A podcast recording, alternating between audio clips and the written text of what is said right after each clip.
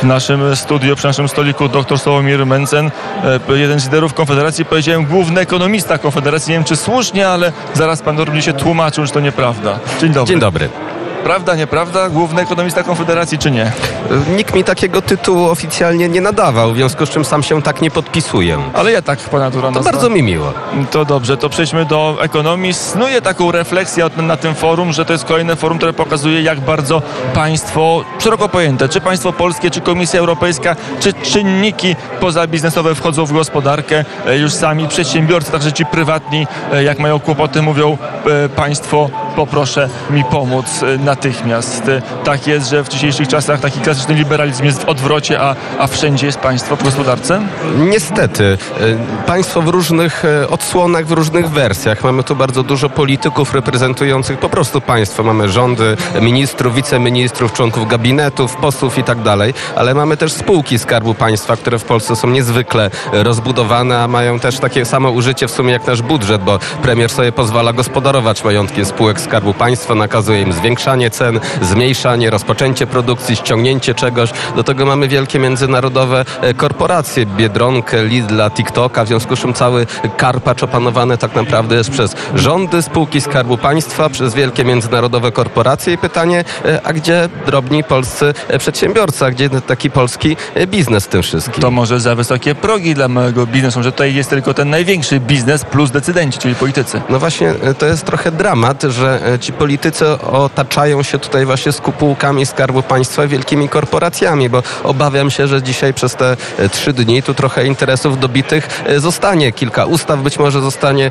przepchniętych, pewne jakieś zapisy w prawie i niestety przy tych rozmowach nie ma polskich przedsiębiorców, tylko są zagraniczne korporacje, ewentualnie polscy lobbyści dla nich pracujący. Chociaż też ja na przykład spotkałem młody polski startup, który drukuje rzeczy na drukarkach 3D, założony przez fizyka z Warszawy, więc jest takich trochę, ale się niedużo i to raczej takich bardzo specjalistycznych, które mają dużą wartość dodaną przedsiębiorstw naukowych, technicznych.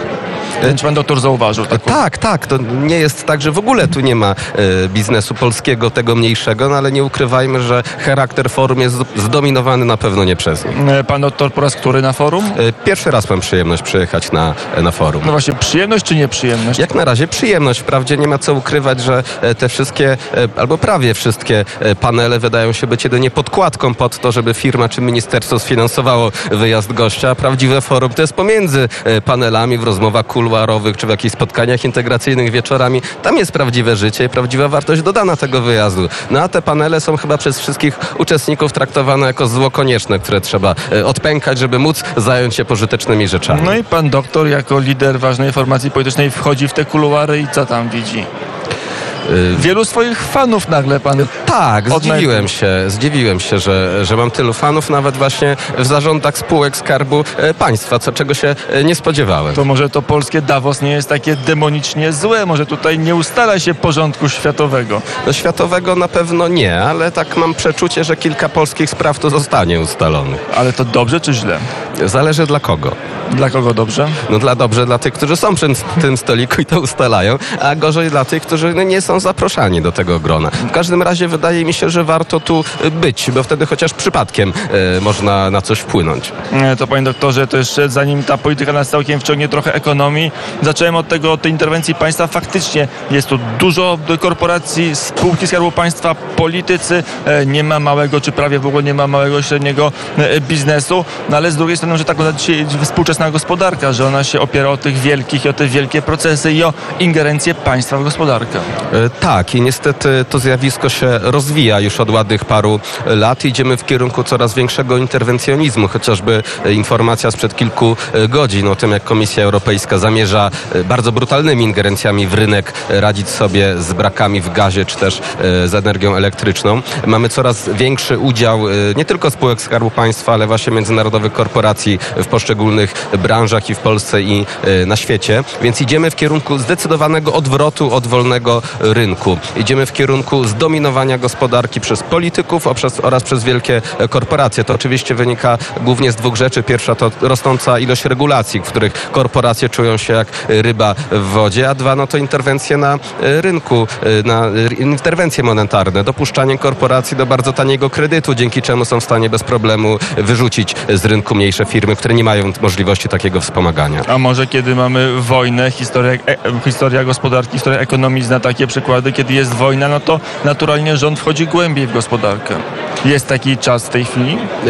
No wiadomo, że jest, jeżeli ktoś jest w trakcie wojny, to państwo musi wejść e, głębiej. Natomiast obawiam się, że większość tych interwencji, o których ja mówię, to zaczęły się na lata przed wojną i z wojną zbyt wiele wspólnego e, nie mają. E, gdyby państwo chciało zainterweniować w tej sprawie, to obserwowalibyśmy przede wszystkim znaczące zwiększenie zdolności produkcyjnych w sektorze zbrojeniowym, czego niestety na razie nie obserwujemy. To jest jeden z nielicznych rynków, gdzie państwo rzeczywiście powinno interweniować, ponieważ no, natura tego rynku jest taka, że w trakcie trakcie wojny zużywa się bardzo dużo uzbrojenia, którego się nie zużywa w trakcie pokoju i na wolnym rynku nie opłacałoby się trzymać zbyt dużych zdolności produkcyjnych i widać, że świat zachodni teraz cierpi, bo zaraz wszyscy się wystrzykają z broni, a wojna być może dopiero się zaczyna. Tu mamy ten segment zbrojeniówki, ale na przykład gaz, energia. Nie jest tak, że e, teraz jest taki moment, że rząd powinien bardziej w to e, wchodzić, na przykład pomóc rolnikom kupić e, nawozy po to, żeby mm, za rok, za pół roku żywność nie była bardzo, bardzo droga. Znaczy, żywność prawdopodobnie i tak będzie będzie droga i powinniśmy się cieszyć, że w ogóle ją będziemy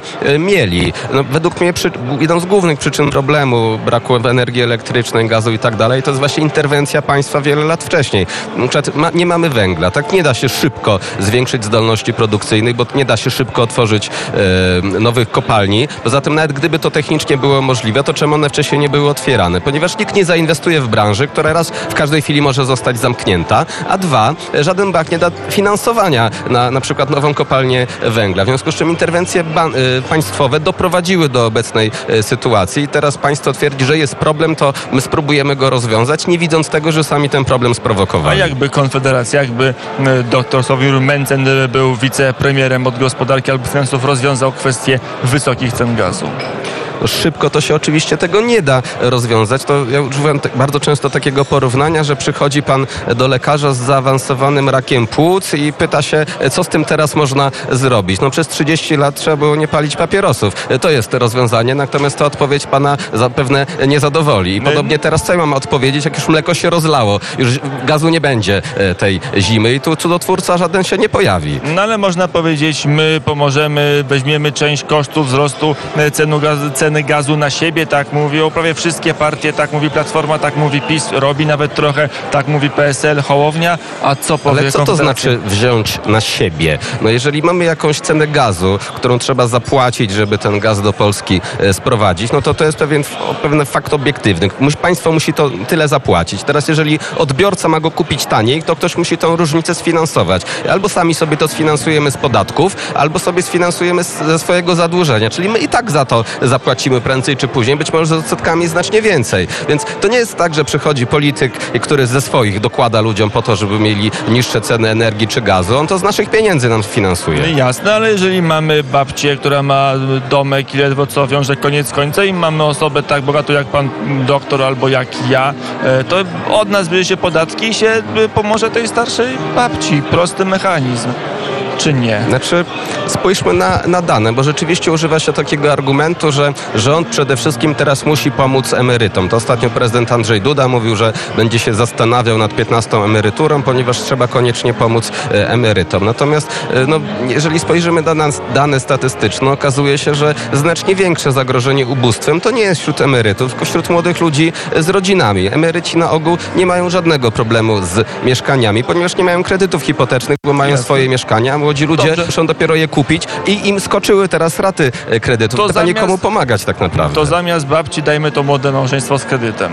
Czy nie jest... I, i, i odpowiedź pana doktora, nie wiem, czy już będzie tak bardzo adekwatna. E, to jest logiczne, tak? Czy jednak w takiej sytuacji państwo nie powinno wziąć na siebie część tej roli redystrybucji? Okej, okay, z naszych podatków zbiera, no ale dokłada do gazu, szczególnie tym uboższym. Czy to nie jest rozsądny pomysł? Y nie uważam, żeby to był rozsądny pomysł, ponieważ państwo tych pieniędzy nie ma. A jeżeli nie ma, to albo musi nam wszystkim podnieść podatki, a struktura polskiego społeczeństwa jest tak e, zbudowana, że ludzi majętnych prawie że nie ma. W związku z czym nie jesteśmy z opodatkowania ludzi majętnych w stanie sfinansować żadnych dużych wydatków. E, Wie pan, od chyba trzech lat mamy daninę solidarnościową, czyli dodatkowe 4% podatku dla ludzi zarabiających powyżej milion złotych. Dochody z tej daniny to jest jakieś 2 miliardy złotych. Gdybyśmy nawet podnieśli to do 40%, a nie tam 4, tak? I załóżmy, że oni nie wyjadą za granicę z dochodami, tylko to zapłacą, to mamy może jedną czwartą kosztów wzrostu cen e, gazu. Z bogatych ludzi tego nie sfinansujemy, w związku z czym trzeba i tak by opodatkować te rodziny z dziećmi, zabrać im pieniądze i oddać im w,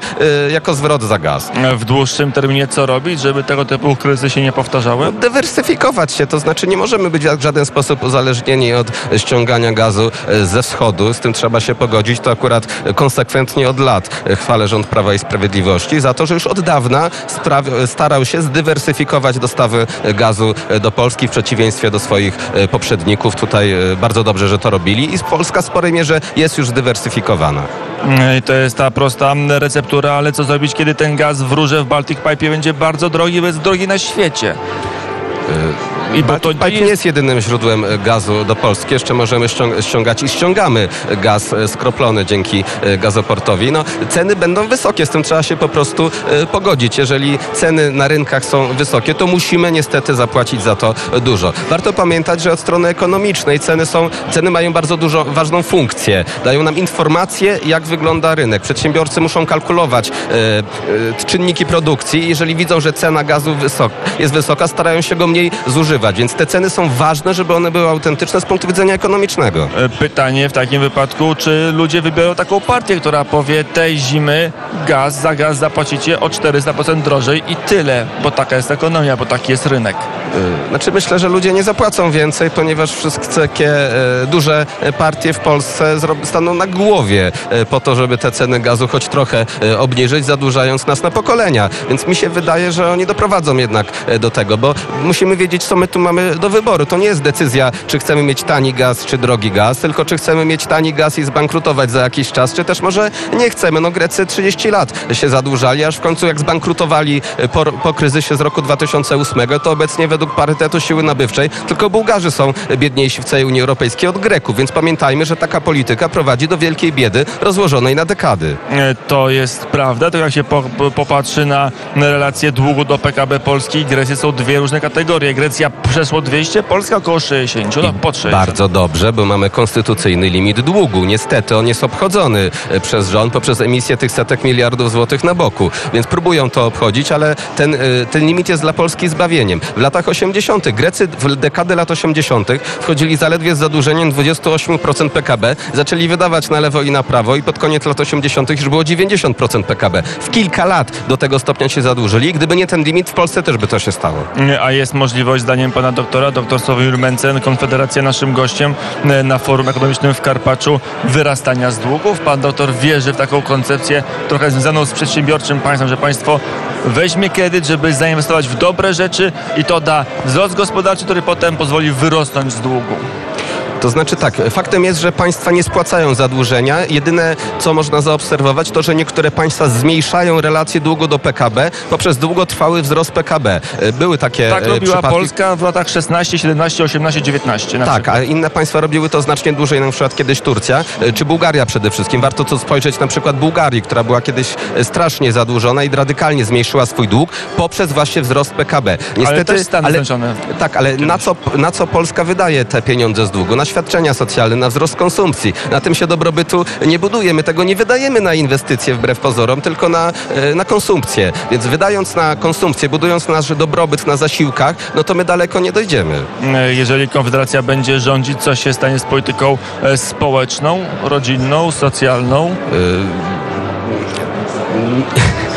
Na pewno nie będziemy zwiększać e, wydatków na świadczenia socjalne, nie będziemy proponować nowych dopłat, nowych zasiłków, nowych świadczeń socjalnych i bardzo, ale to bardzo głęboko zastanowimy się nad redukcją tych już istniejących. Także tym sztandarowym 500 plus był takie wystąpienie jednego polityka, który był kiedyś w Unii Polityki Realnej, teraz jest w Platformie, jest działaczem mówił do Donalda Tuska, że on oczekuje, żeby 500 plus zabrać. Takie głosy pojawiają się także wśród konfederatów. Ja nie jestem e, wielkim zwolennikiem 500 plus i nigdy nie byłem, bo ten program po prostu nie działa. E, demografię mamy gorszą niż w momencie, w którym 500 plus e, wprowadzano. To jest program czysto socjalny. Na pewno absolutnym minimum jest brak waloryzacji 500 plus, bo przy obecnej inflacji 500 plus wcale nie będzie takim wielkim problemem dla naszego budżetu. No dobrze, pan doktor powiedział o inflacji, będzie ostatni temat naszej rozmowy. Za chwilę mamy posiedzenie Rady Polityki Pieniężnej i pytanie, jakie będą działania, jakie powinny być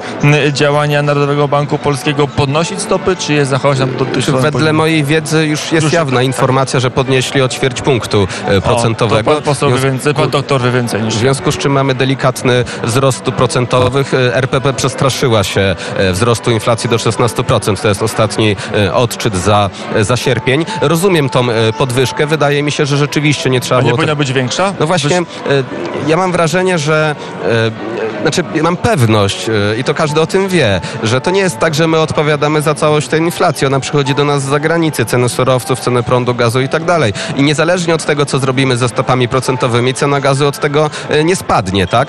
E, podnosząc stopy procentowe wpływamy na ilość pieniądza w obiegu naszej gospodarki, czyli działamy na tą inflację bazową, która niestety jest już bardzo wysoka, natomiast ona nie determinuje w całości naszej inflacji. Za to, jeżeli mocno podniesiemy stopy procentowe, zażynamy sobie gospodarkę. Pamiętajmy, że idziemy idziemy teraz w kierunku recesji. Firmy nie inwestują, firmy nie mają pieniędzy, bo muszą e, spłacać kredyty, nie biorą nowych. Więc ja rozumiem obawy Rady Polityki Pieniężnej przed zbyt wielkim schłodzeniem gospodarki. Mm, ale to jest ciekawe, bo gdzieś tam w tle tej wypowiedzi pana doktora e, można byłoby wysnuć wniosek, że rząd nie odpowiada za inflację, że to inflacja nie jest spowodowana złym rządem Prawa i Sprawiedliwości 500+, plus, tylko jest zewnętrzna. E, część inflacji przyszła do nas z zagranicy i zawsze to powtarzałem. No pamiętajmy, że jeszcze przed tym nieszczęsnym wirusem inflacja w Polsce przekraczała 4%, więc my w ten okres chodziliśmy z bardzo wysokim poziomem e, inflacji, tak? E, I, I, to się na nas niestety mści. A czemu on w roku 2019 to było 4%? No właśnie dlatego, że w Polsce wydajność pracy za bardzo nie rosła, za to zasiłki socjalne rosły, wydatki państwa rosły e, i to się nam skumulowało, więc częściowo oczywiście... Chociaż przez rząd... lata rządów Platformy wtrącę się z daną, skoro się danymi przerzucamy, to jedno zaprezentuje za czasów Platformy było odwrotnie dynamika akt wydajności pracy rosła znacznie szybciej niż pensje. E, ale to chyba dobrze. No dla pracodawców tak, dla pracowników to już nie wiem. A to już, wie pan, to są dwa różne rynki. O wynagrodzeniach to decyduje popyt na pracę i podaż e, pracy i w zależności, gdzie te dwie krzywe się przetną, taką mamy e, cenę. Za e, PiSu na początku nie było źle, ale potem wzrost płacy minimalnej zrobił się naprawdę bardzo szybki i miało to niestety wpływ niezbyt korzystny dla naszej gospodarki, a potem dla naszej inflacji. To jeszcze dokończmy tą dyskusję o inflacji właśnie. Narodowa, bo rozumie pan doktor, rozumiem te dylematy, mamy te informacje z rynku. Rynek mieszkaniowy, rynek budownictwa już jest w kryzysie i to być może dość poważnym, tego jeszcze nie, nie, nie widzimy dokładnie, e, więc są te sygnały, żeby już zaprzestać podwyżek stóp procentowych. Dlatego właśnie mówię, że rozumiem decyzję RPP o podwyżce tylko ćwierć punktu procentowego. A z drugiej strony taka doktryna liberalna polityki e, monetarnej mówi, że no jednak stopy procentowe powinny w jakimś stopniu e, korelować się z inflacją, powinny być no, ciut wyższe niż inflacja. E, wie pan, e, nie jesteśmy w stanie teraz podnieść stóp procentowych ciut wyżej niż inflację przy 16% e, inflacji. Tutaj nie ukrywajmy, że z kredytobiorców to by została mokra plama. Ale tak jest w teorii. W teorii to cenę pieniądza powinien ustalać rynek, a nie żadna banda polityków w Radzie Polityki Pieniężnej. I gdzie by się to ustawiło, to to już zależałoby od popytu na pieniądz. To już na koniec jest jakaś szansa? Rząd ma instrumenty, szeroko pojęty rząd z Narodowym Bankiem Polskim również, żeby inflację zwalczyć, gdyby realnie chciał z nią walczyć? Nie, inflacja jest, o czym też się mówi już od dosyć dawna, procesem niestety długotrwałym i uciążliwym. Tak? To nie da się w kilka kwartałów zbić inflacji. To jest bardzo powolny proces. My ją długo hodowaliśmy i długo będziemy z niej schodzić. A niestety obecnie działania rządu są przeciwstawne do działań Rady Polityki Pieniężnej. Kiedy Rada Polityki Pieniężnej podnosi stopę, żeby pieniądze było jak najmniej, rząd wpuszcza ten pieniądz na rynek przez dopłaty i zasiłki, więc oni tu działają e, przeciwko sobie. Ktoś e, włącza hamulec, a ktoś dociska gazu. Pytanie, jak taki samochód ma jechać? To wtedy Oto. samochód robi dużo hałasu, ale nigdzie nie jedzie i to niestety jest to, co tu obserwujemy. Doktor Sławomir Mencen, ekonomista, polityk Konfederacji, był gościem popołudnia wnet. Dziękuję bardzo za rozmowę. Również dziękuję. I do zobaczenia i do usłyszenia.